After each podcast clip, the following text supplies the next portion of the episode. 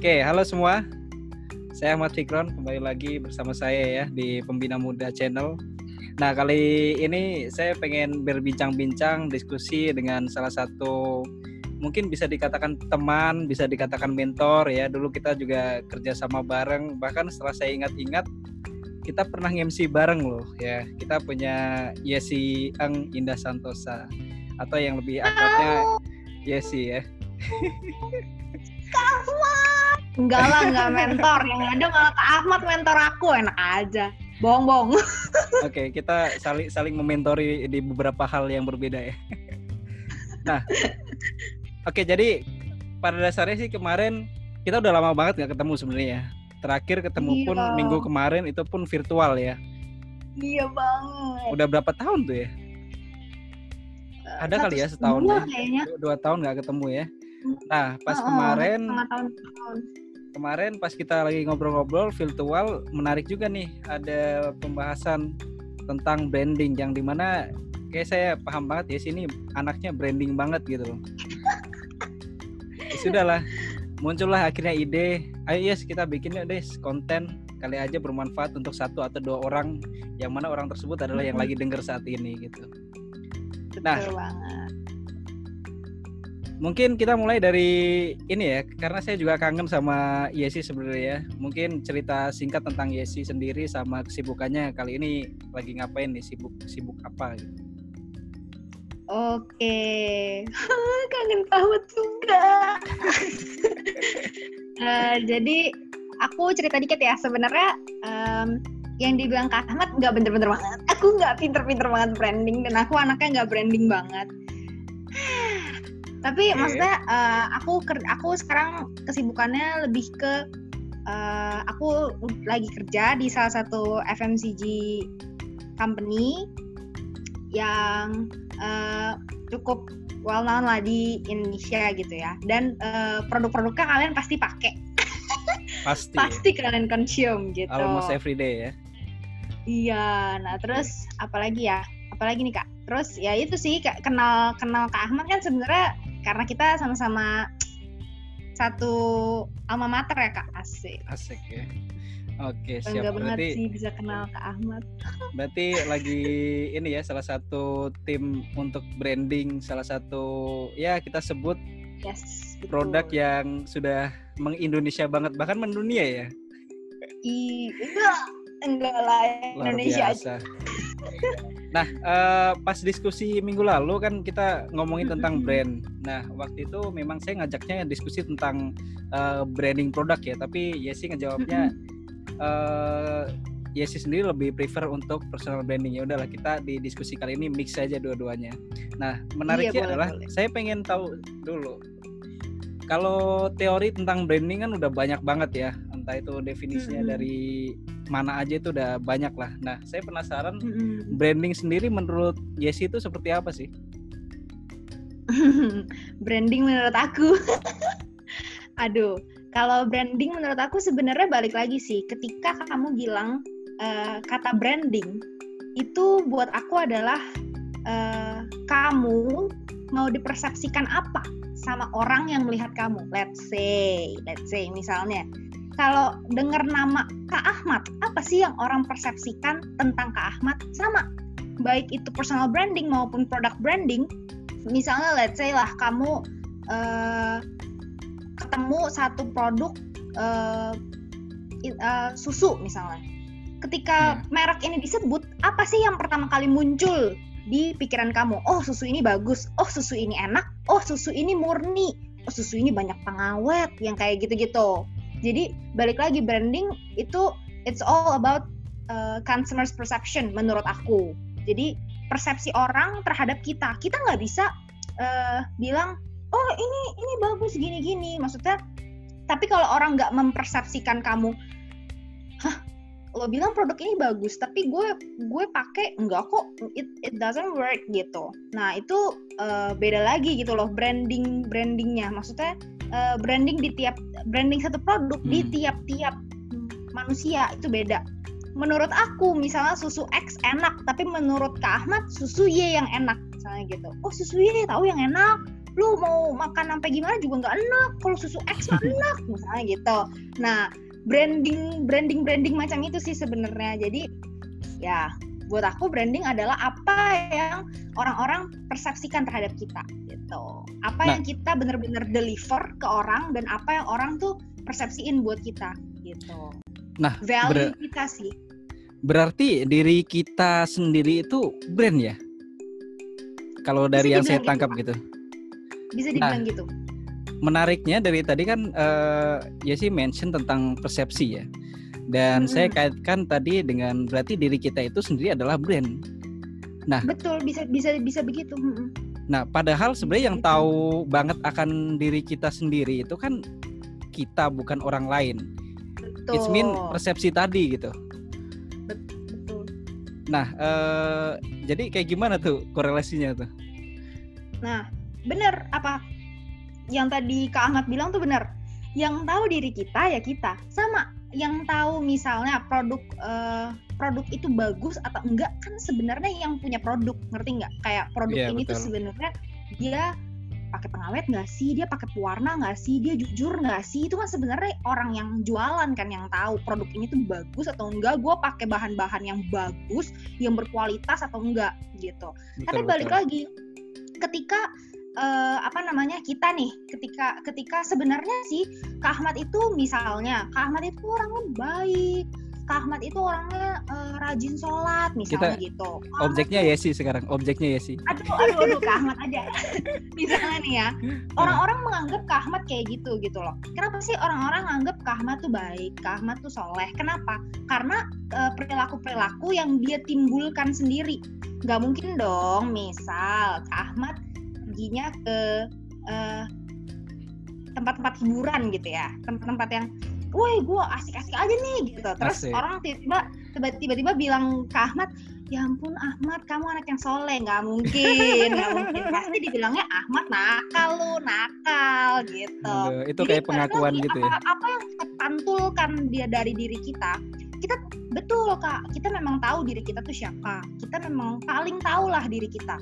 Tapi balik lagi ada orang-orang atau ada produk-produk yang bisa overvalue atau bahkan undervalue uh, produk itu atau orang itu sendiri gitu loh. Bahkan mereka ada yang sebenarnya orang ini capable untuk da dalam satu hal, tapi dia merasa ah oh, lah, gue mah nggak pinter lah public speakingnya, enggak enggak. Akhirnya hmm. orang nggak melihat hal itu, orang tuh nggak nggak nggak ngeh bahwa Ahmad tuh jago loh public speakingnya, karena Ahmad nggak percaya diri dan nggak mau show nggak mau show off hal itu. Enggak lah gue mah nggak nggak pinter lah masih ada banyak lah yang pinter nah. enggak lah. Akhirnya itu jadi tertutup yeah. gitu loh. Nah nggak mau show itu tadi ya. Menarik. Nanti kita coba bahas tentang itu. Tapi sebelum itu mungkin nah kalau perspe, uh, apa persepsi uniknya saat ini kalau misalkan saya dengar tentang branding, tentang uh, personal branding atau product branding itu biasanya hmm. orang atau perusahaan itu selalu meluluk atau ngarahnya itu ke sosial media terus gitu loh kalau berbicara, berbicara tentang branding. Nah, itu sebenarnya apakah memang seperti itu atau sebenarnya ada komponen lain sih yang orang jarang ngeh atau orang jarang sadar atau jarang diperhatikan ini juga part of branding loh gitu. Hmm, hmm, Nah, ini menarik. Soal ngomongin sosial media ini menarik banget sih, Kak Ahmad. Kenapa? Karena di zaman kita sekarang, ini udah beda. Orang-orang dulu brand berlomba-lomba, berjubel-jubel, masang apa? TVC. Buat hmm. tampil di TV, buat ada iklan, cari talent yang artis, yang menarik, yang cantik, didandanin seganteng mana, secakep mana gitu kan untuk tampil di TV, untuk represent their product gitu. Tapi sekarang nggak perlu kayak gitu. Tinggal hire selebgram misalnya endorse endorse yang kayak guys ini bagus banget loh yang kayak gitu. Itu pun it works yeah. gitu jujur. Jujur it works. Nah balik lagi zaman memang benar apa kata Kak Ahmad zaman sekarang udah berubah kak. Uh, banyak orang-orang yang mem, uh, banyak orang-orang bahkan brand-brand yang memang udah beralih ke dunia sosial media. Untuk lebih pertama kalau sebenarnya kalau dari sisi tim brand brand tim sebenarnya lebih ke kita tuh beralih ke sosial media lebih banyak supaya kita bisa berinteraksi lebih dekat dengan consumer-consumer kita, dengan end consumer kita lebih dekat gitu. contoh misalnya ini uh, sorry tapi agak ini sorry banget agak tabu tapi uh, gue mau ngomong okay, okay. soal let's say misalnya brand pembalut oke okay. brand pembalut ya let's huh? say uh, lu bisa lihat iklan-iklan itu uh, di TV dulu gitu tapi sekarang brand brand brand kayak uh, let's say brand pembalut kayak gitu itu bahkan udah mulai uh, apa bergerilya juga loh di social media gitu. Jadi brand-brand yang menurut aku malah hah brand-brand yang maksudnya ini kan nggak nggak banget gitu loh kalau lo mau tap in di social media justru mereka they did it gitu. Mereka bisa works di social media kayak gitu. Apalagi brand-brand yang consumer goods lah kayak susu hmm. mie instan wafer crackers itu mah pasti wah gila udah menjamur banget. Uh, apa snacks itu udah pasti gitu. Oke, berarti Jadi balik lagi karena emang udah berubah zaman Artinya sebenarnya sosial media itu adalah tools kan, bukan apa ya istilahnya the man of branding itu sendiri gitu loh. Itu di sosial iya, media iya, betul. gitu. Betul betul betul. Itu itu tools. Kita kita tetap nggak bisa nggak bisa tinggalin TV gitu aja. Kita tetap butuh appearance untuk di TV gitu. Butuh tetap lihat produk itu di TV TV juga tetap maksudnya kita tetap ada tap in tap in di TV tapi balik lagi social media itu sekarang udah apa ya udah megang bigger parts udah megang bigger roles gitu di brand jadi banyak orang-orang kayak ya bikin giveaway kamu harus follow uh, ini ya brand ini dulu ya gitu jadi banyak juga dari kita yang akhirnya oh, hmm. oh follow nih mau giveaway kayak gitu balik lagi hal-hal yang kayak gitu itu bisa nimbulin yang namanya trialist kak kalau di kalau di dunia brand. Apa itu? Trialist ini penting. Kenapa? Karena misalnya, uh, oh karena gue dapat giveaway, gue akhirnya coba nih si produk ini dan ternyata gue nyaman, enak nih, atau oh cocok nih sama gue, gue beli lagi deh. Nah itu dari trialist kita masuklah ke yang namanya consumer, yaitu mereka repeat nih, mereka beli lagi, mereka beli beli beli beli terus, akhirnya mereka jadi loyal sama kita udah loyal setelah mereka loyal nih jadi pakai punya kita next stepnya naik lagi. Mereka akan rekomendasiin produk kita. Eh tuh uh, minum susu pakai ini. Ih minum susu tuh minum susu yang ini. Nah misalnya kayak gitu let's say. Kalau itu udah brand istilahnya mereka udah otaknya udah ih gila apa-apa pokoknya pasti misalnya susu ultra susu ultra terus deh udah susu ultra terus atau okay. air mineral uh, aqua nih ya udah deh aqua terus aqua terus gitu loh jadi emang udah seloyalis itu anak orang-orangnya nah itu sebenarnya yang ditarget sama brand sih bisa okay. jadi loyal dan bisa jadi uh, marketing berjalannya mereka bisa jadi apa uh, rekomend rekomendernya mereka lah gitu Oke, nah uh, berikutnya tadi kan udah bicara soal personal branding dan juga produk branding. Nah, sebenarnya kedua hal itu adalah sama nggak sih dalam artian definisi, cara penerapannya, approach-nya, atau ada part yang berbeda gitu? Hmm, kalau misalnya, hmm. kalau kalau dibilang personal branding sama product branding sama atau enggak, uh, buat aku pribadi buat aku pribadi jujur aku ngerasanya sama. Aku ngerasanya sama. Kenapa? Karena aku merasa setiap kali aku pegang brand aku pegang aku dipercayakan sebuah brand yang aku uh, nih yes kamu pegang ya brand ini. Kamu jadi uh, brand timnya ya. Aku merasa aku punya anak jadinya. Jadi setiap brand itu aku persepsikan seperti anakku sendiri. Aku jaga seperti anakku sendiri. Jadi kalau misalnya brand ini uh, jelek atau brand ini kena kenapa kenapa kayak gitu aku pasti bakal berasa oh my god nggak nih nggak boleh nih brand gue harus jaga nama baik dan reputasi brand gue sama sebenarnya kalau personal branding pun ya kita siapa sih yang mau dapat nama jelek pasti maunya jaga, uh, jaga dong image masing-masing kayak bagus, harum namanya, kayak gitu. Hmm. Sama ketika brand team pegang sebuah brand itu juga maunya um, mereka dikenal uh, brand yang mereka pegang dikenal baik, terus uh, memiliki kontribusi ke masyarakat juga bagus, CSR-nya juga jalan bagus, kayak gitu-gitu sih. Jadi kalau menurut aku antara personal branding sama product branding sebenarnya secara pendekatan sama gitu. Sama gitu ya. Nah, oke, okay. menariknya hmm. adalah ada beberapa produk ataupun orang ya. Kalau kita bicara personal branding artinya kita bicara tentang orang. Hmm. Kalau apa namanya produk branding berarti kita bicaranya produk branding. Yang boleh dikata itu sebenarnya adalah given gitu loh. Maksudnya gini, ada produk yang tampak perlu kita iklankan, kita pun itu beli sendiri gitu. Atau customer pasti akan beli produk itu tanpa kita iklankan Nah itu untuk kasus untuk yang produk. Mm-mm. Ada juga yang uh, kasus orang yang di mana itu uh, mungkin saya lebih suka menyebutnya itu given gitu ya. Contohnya salah satu apa namanya idola mm-hmm. saya Mbak Putri Tanjung dulunya sebelum sesukses ini ya uh, udah sangat menginspirasi saat ini. Dulunya beliau dipersepsikan mm-hmm. sebagai anak Khairul Tanjung atau brandingnya anaknya Pak CT gitu. Nah itu gimana menurut iya, dia sih? Iya. Oke, kita ngomong dari si produk dulu ya. Produk yang enggak aduh lu nggak usah iklan juga gue udah beli gitu ya. nah, sebenarnya produk-produk ini banyak. Iya. yang ya ampun ini tuh uh, tapi Kak perlu diingat bahwa sebenarnya produk-produk ini adalah produk-produk yang memang masuk ke kalau kalau kita belajar um, hierarki Maslow kan ada paling bawah itu benar-benar basic needs lah basic need, gitu. Basic needs. Oh, iya, Memang betul, sandang pangan papan lo gitu. Mm-hmm.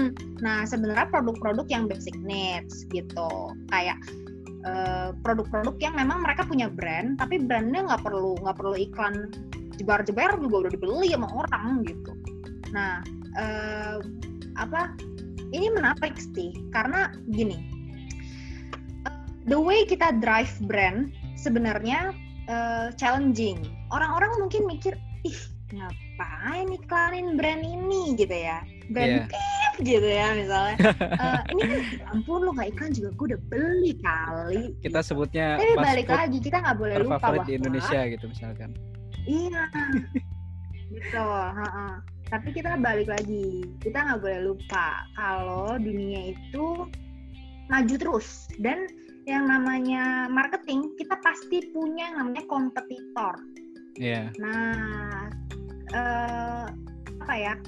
Competitors ini yang penting sih sebenarnya. Karena uh, the way kita bisa tunjukin bahwa oh kita punya brand yang memang presence. Kita ada kita ada terus di momen apa pun kita tap in terus kita tap in terus kayak gitu. Nah orang akan selalu ingat terus.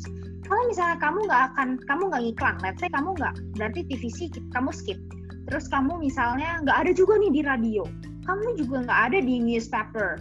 Terus kamu juga nggak ada di social media apalagi kamu juga nggak ada. Oke okay, mungkin satu dua tahun lah mungkin. Orang akan gue masih tetap beli gue masih tetap beli. Tapi what if kalau misalnya ada brand yang uh, istilahnya yang kita kenal sekarang ya brand-brand yang memang uh gila billboard pasang ya kan? Di MRT di uh, kereta di mana-mana semua pasang gitu kan?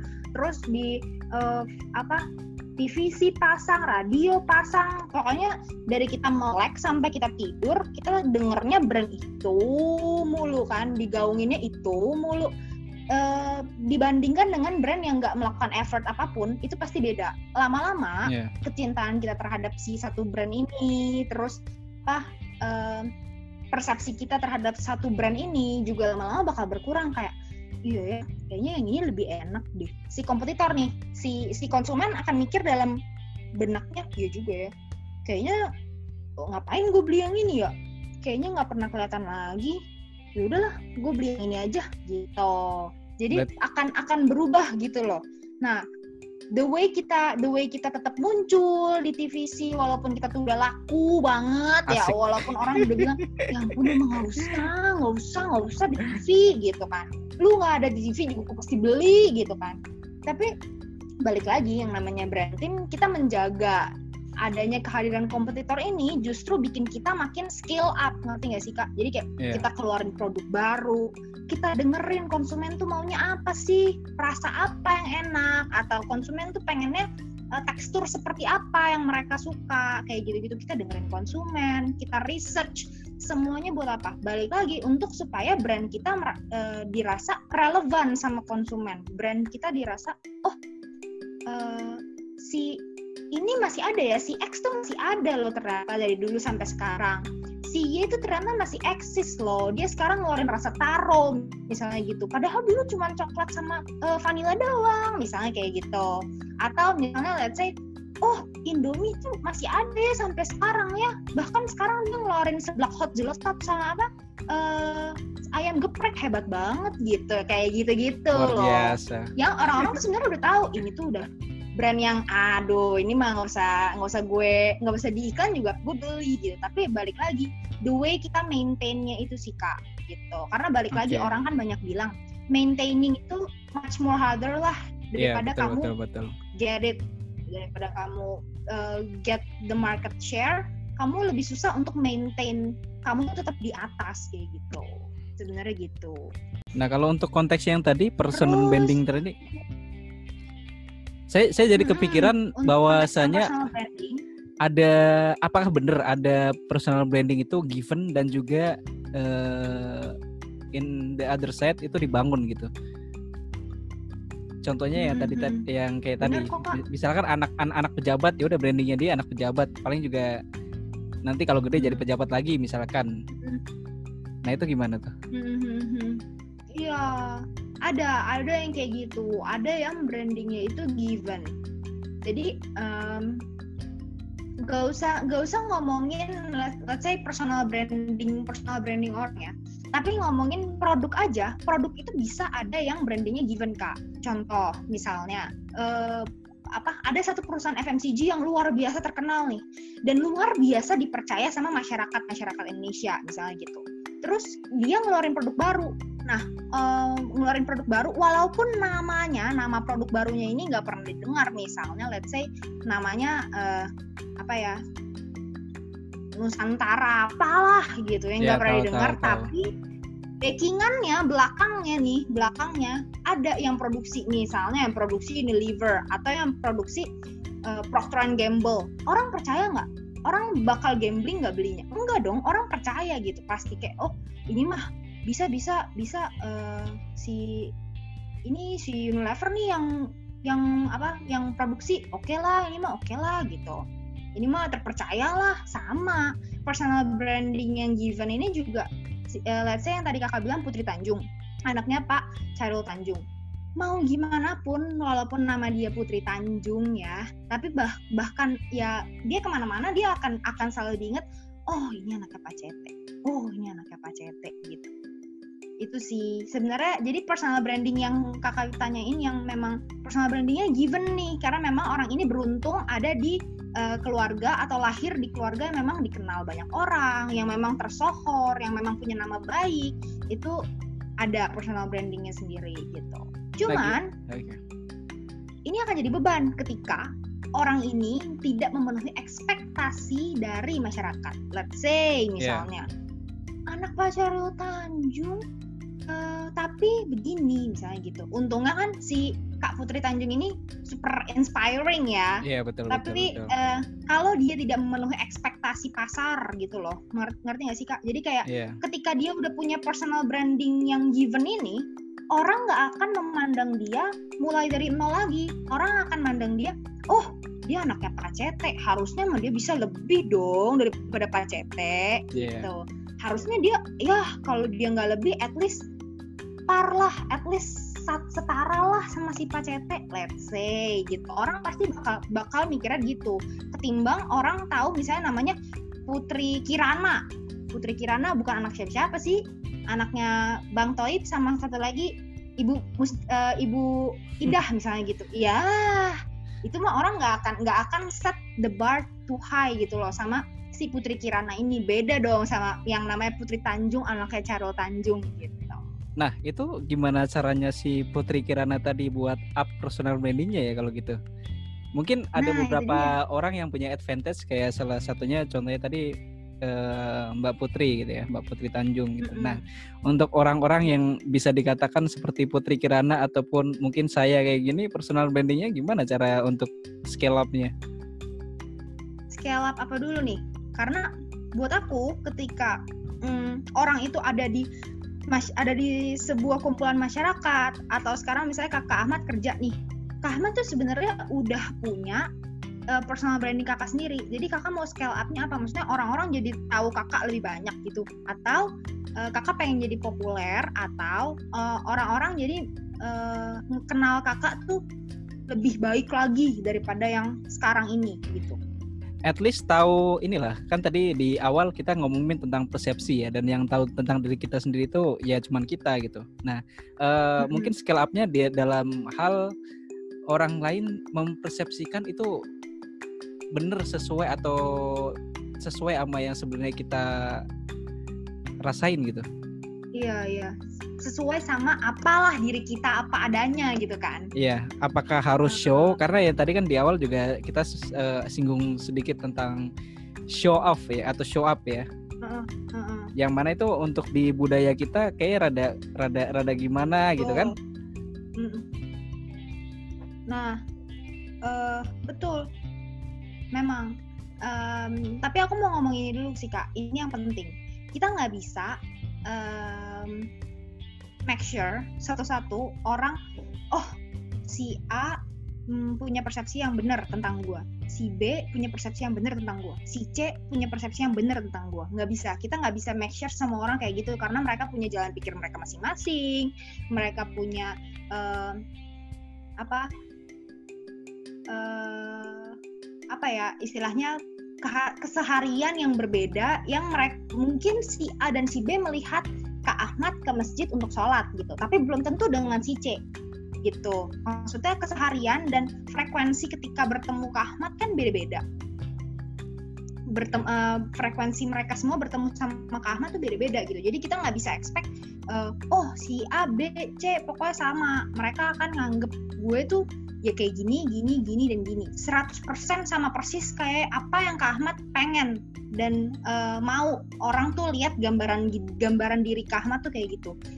Uh, aku nggak bisa bilang itu itu akan sama persis. Cuma yang bisa aku bilang bahwa Kak Ahmad bisa bentuk itu sebenarnya. That's why kenapa banyak banget uh, anggota DPR kita, anggota MPR kita, pokoknya banyak uh, orang-orang yang terjun di, di dunia politik mereka itu belajar juga soal personal branding. Mereka belajar gimana caranya uh, public presence mereka tuh dikenal orang gitu. Dan uh, gimana caranya orang ketika dengar di radio nih ada orang komentar misalnya terus uh, orang itu akan udah langsung tahu ya ini mah Zulkifli Hasan ini yang komentar kayak gitu ya ini mah suaranya Bapak Basuki Cahaya Purnama ini yang kayak gitu-gitu karena okay. mereka punya maksudnya Bapak Ibu ini punya uh, personal branding masing-masing gitu nah ha? cara untuk skill up-nya balik hmm. lagi sih dengan cara ya menyuarakan hal itu bukan lebih sebenarnya bukan ke show off sih tapi lebih ke kalau memang itu benar adanya, Kak Ahmad memang seperti itu adanya, itu pasti akan keluar kok. Maksudnya orang-orang pasti akan ngelihat itu dari kebiasaannya kakak, dari the way kakak ngomong, the way kakak bertindak selama ini, ngambil keputusan, itu pasti kelihatan. Gitu. Nah, artinya yang menarik dari itu, kalau kita bicara personal branding, artinya ini hal yang perlu direncanakan atau just be you gitu loh just be you dong pasti tapi ada di beberapa uh, ada certain cases yang memang orang-orang itu merencanakan contoh yang tadi aku bilang oh, yeah. karena dia memang ada di dunia politik gitu oke okay. dan itu butuh atau misalnya mereka public figure nih mereka butuh itu juga pasti mereka hmm. butuh personal branding juga karena mereka pengen dong pasti ketika uh, ada di spotlight mereka pengen beda dari yang lain lah. Pengen kasih warna yang berbeda gitu. Nggak mau dong sama kayak actress lain nggak mau dong sama kayak politikus lain gitu. Oke. Okay. nah uh, berarti kira-kira kenapa ya kalau misalkan kita bicara person artinya orang kalau bicara produk artinya tim blending itu saya nggak bicara kebanyakan ya tapi mungkin sering gagal gitu loh. Karena kenapa saya bisa ngomong kayak gini? Karena mungkin branding branding atau brand-brand yang ada di kepala kita setiap satu orang ditanya coba sebutin brand yang kamu tahu. Saya yakin paling cuma bisa dihitung jari gitu loh yang mereka tahu gitu. Bisa melafalkan dengan cepat. Padahal kan wow kita kalau buka brand di luaran banyak ya. All shop itu uh luar biasa banyaknya gitu. Itu kira-kira hmm. kenapa itu sebenarnya gagal dalam branding itu salah satu yang menurut aku um, penting untuk kita take note adalah manusia di zaman sekarang ya kak. Kita udah jujur aja otak kita itu udah too much of too much information. Hmm. jujur. Dari kakak coba kakak pikirin dari kakak bangun sampai kakak tidur lagi berapa banyak uh, kata yang kakak baca saat sepanjang satu hari even kita di Instagram nih ya uh, span of tension kita kita ketika ngelihat story orang nih kita ngelihat insta story orang. Yeah.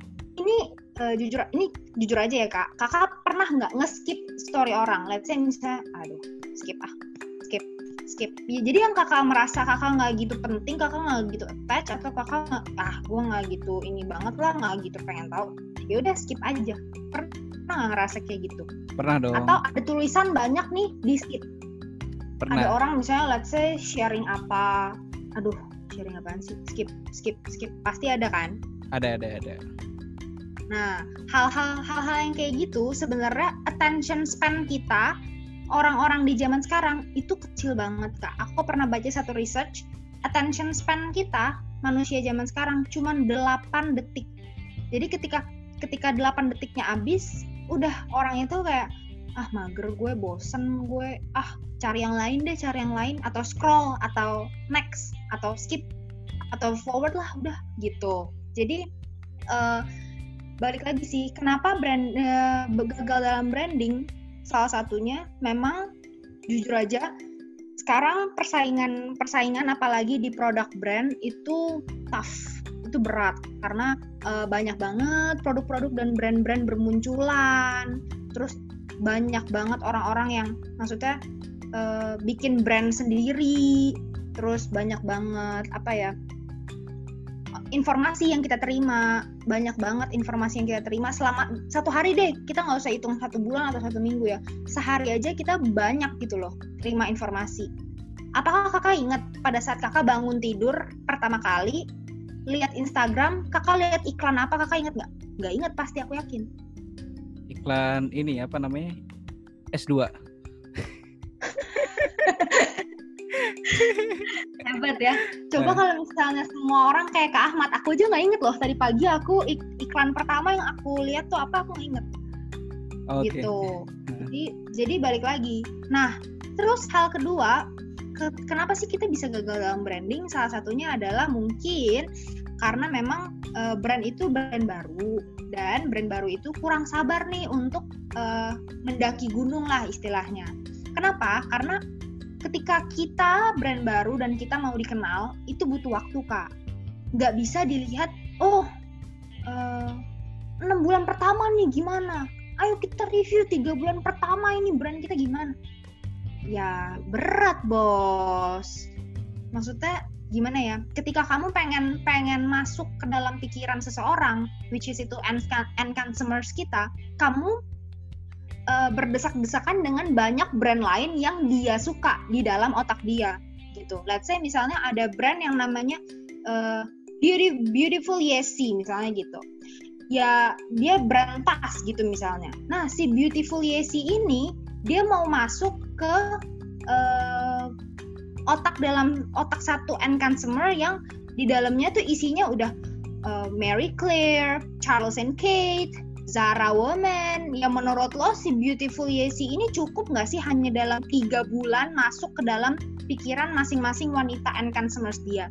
Nggak cukup setahun pun belum cukup jadi harus terus menerus yang namanya branding itu dan baik lagi sih spending yang aku nggak yang aku nggak bisa pikir adalah sebenarnya ketika kamu investasi ketika kamu TVC kamu bikin kamu airing radio, terus kamu social media, bahkan kamu sponsorin event-event.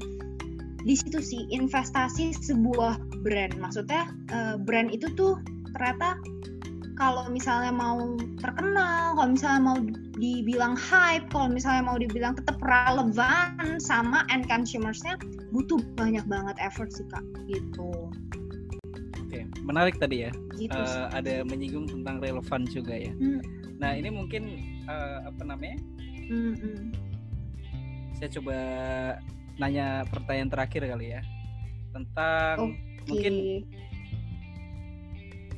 future branding itu seperti apa sih ya? Maksudnya uh, what do you think about the future branding? Masih relevankah dengan cara-cara saat ini? Entah itu sosial media akan begitu terus atau uh, ada perubahan-perubahan apa kira-kira gitu? Future branding menurut Desi gimana? Bisa hmm, dua. Menurut aku sebenarnya. Hmm. Bisa dua ya, entah itu personal branding di masa depan dan juga uh, apa namanya produk branding karena kan bentar lagi udah era industrinya 5.0 nih.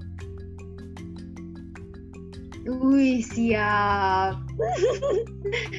Iya sebenarnya sih kalau untuk personal branding, hmm, personal branding nggak akan se, menurut aku nggak akan se fast moving kan uh, fast moving si produk branding sih kalau personal branding menurut aku hmm. untuk future brandingnya Nah, kalau uh, produk branding, ke depannya aku ngelihat masih akan banyak sih potensi di dunia social media, di dunia digital gitu. Karena kakak tadi udah nyebutin bahwa oh ya sekarang kita udah masuk industri 5.0 nih. Uh, si marketing 4.0 sendiri pun udah masukin digital sebagai salah satu uh, apa ya istilahnya pelurunya pelurunya brand untuk bisa dikenal sama banyak uh, masyarakat, bisa stay relevan sama end consumersnya gitu. Dan menurut aku ke depannya brand itu udah apa ya istilahnya udah bukan zamannya lagi uh, ngomong satu arah. Ini loh kalau kamu minum susu ini kamu akan selalu awet muda. Udah bukan zamannya kayak gitu lagi menurutku. Brand ke depannya brand yang kedep menurutku brand ke depannya akan jadi kayak sahabat jadi apa ya akan lebih banyak interaksi dengan end consumersnya. Contoh sekarang kak banyak banget brand-brand yang udah tap in di TikTok. Bayangin dong TikTok coy. Udah okay. banyak loh brand yang yang tap in di TikTok. Awalnya fenomena TikTok ini menarik sih kayak wow aku pikir cuma bisa buat personal aja buat kita aja have fun kan senang-senang kan kalau lagi yeah. gabut ya udah tiktokan gitu dan ternyata enggak. Uh, brand yang lihat itu sebagai sebuah opportunity gitu. Untuk mereka tap in untuk mereka tetap stay relevant sama end consumersnya. Dan buat buat end consumersnya tuh relate dan apa ya loyal dan bangga gitu loh. Bisa bisa pakai brand mereka. Nah itu sih aku ngelihat aku ngelihat future branding ke depannya akan jadi kayak gitu. Akan jadi oh um, brand-brand akan lebih akan lebih two ways communication. Jadi nggak cuma dari brand ke end consumer, tapi dari end consumer pun bisa submit ke brand gitu. Kayak misalnya, eh mau dong, uh, misalnya rasa ini atau eh keluarin rasa ini dong, atau misalnya brand bikin kompetisi TikTok, terus habis itu si end consumernya kalau misalnya kamu mau ikut kompetisi TikTok ini kamu bisa beli uh, misalnya let's say produk ini dulu foto struknya baru bisa ikut uh, kompetisi TikToknya. Nanti menang ke, ke menang ke mana? Misalnya bisa naik haji atau bisa pergi ke Korea pergi ke Jepang hal-hal yang kayak gitulah. Jadi buat aku okay. uh, eh, future branding ke depannya akan super interesting karena balik lagi ya akan amat sangat apa ya uh, challenging tapi juga uh, fun. Karena balik lagi platform digital sekarang udah banyak banget dan udah makin banyak mau bisa diapa-apain gitu loh gitu jadi brand gak cuman nayangin TVC, TVC, why, terus endorse endorse, why gitu. Oke. Okay. Nah mungkin saya revisi sedikit karena itu tadi bukan pertanyaan terakhir. Saya baru mm-hmm. apa namanya kepikiran setelah jawaban kamu tadi. Gak apa-apa. Nah, ini benar-benar terakhir ya. Nah, kalau ada beberapa hal yang paling penting untuk saya pelajari atau yang dengarkan ini pelajari tentang personal branding dari seorang Jesse, apakah itu? Personal branding. Sebenarnya uh, teman-teman dan Kak Ahmad paling penting ketika kamu pengen uh, apa ya belajar soal personal branding adalah you have to be true sih sebenarnya. Karena balik lagi personal branding yang baik adalah personal branding yang memang memancarkan diri kamu apa adanya. Bukan diri kamu yang kamu yang baik-baik aja yang kamu pengen dilihat orang seperti apa. Bukan yang kayak gitu. Tapi memang the truly you gitu. Ketika uh, aku tanya personal brandingnya A. Misalnya personal branding ke Ahmad ke uh, A sama personal branding ke Ahmad ke Y misalnya. Uh, si A ini anak kuliah. Si Y ini uh, anak kuliah yang ketemu ke Ahmad sekelas sekelas sekelas sama ke Ahmad si A.